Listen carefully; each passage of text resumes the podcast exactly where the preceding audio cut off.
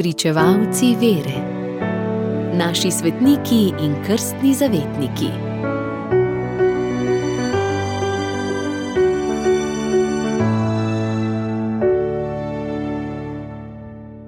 Danes, 6. maja, goduje Dominik Savijo, dijak, ki je svojo kratko življenjsko pot sklenil leta 1857.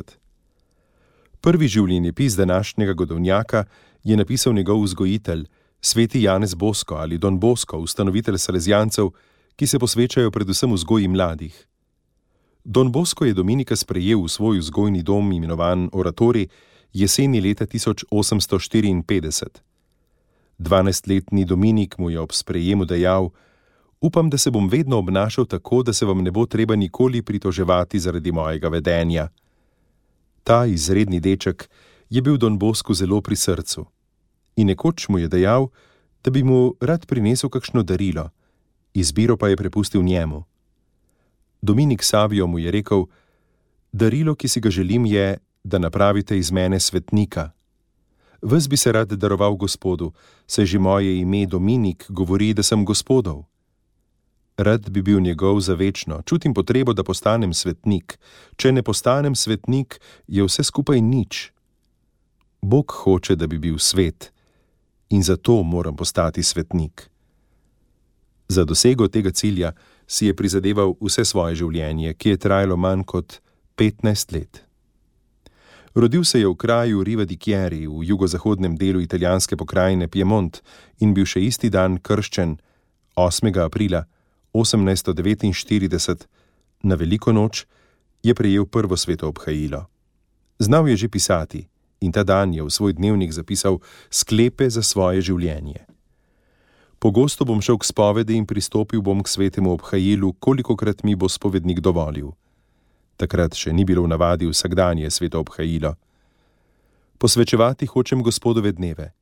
Moja prijatelja bosta Jezus in Marija. Rajši umrjem, kot da bi storil en sam greh. Dominik Savijo je bil v šoli vedno prvi čeprav se za prvenstvo nikoli ni potegoval, zvesto je služil Bogu, ki mu je podaril tako lepe talente. Don Bosco pripoveduje, kako sta se prvič srečala. Leta 1854 je prišel k njemu župnik iz mesta Mondoniko in mu pripovedoval o svojem učencu Dominiku Saviju. Tukaj, v vaši hiši, imate morda prav take dečke, mu je dejal, to da težko bi našli katerega, ki bi ga prekašal po bistrosti in po krepostih. Poskusite in videli boste, da je to novi sveti Alojzi. Kmalo zatem je Dominik prišel k Don Bosku v spremstvu svojega očeta. Poklical sem ga na stran, se spominja Don Bosko, in začela sva se pogovarjati o njegovem dosedanjem šolanju in življenju, med nama se je takoj spletla iskrena zaupnost. Zaznal sem, da je duša tega dečka polna gospodovega duha in nemalo sem osupnil s pričo del, ki jih je božja milost uresničila v njem že v tako nežnih letih. V Don Boskovi šoli je ostal dve leti in pol.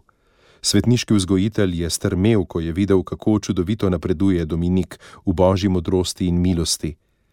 Posebno rad je častil Marijino brezmadežno srce. Ustanovil je posebno družbo brezmadežne, za katero je sam sestavil pravila, ki razodevajo neverjetno duhovno zrelost komaj 14-letnega dečka.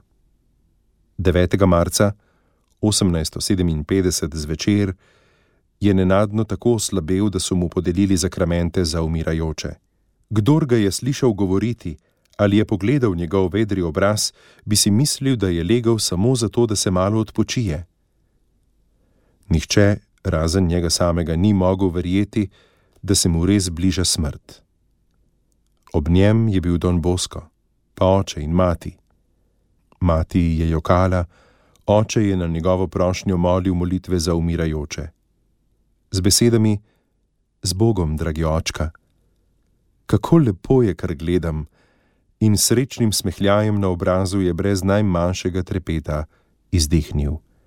Poroča Don Bosko, ki se mu je ob smrti Dominika Savija trgalo srce.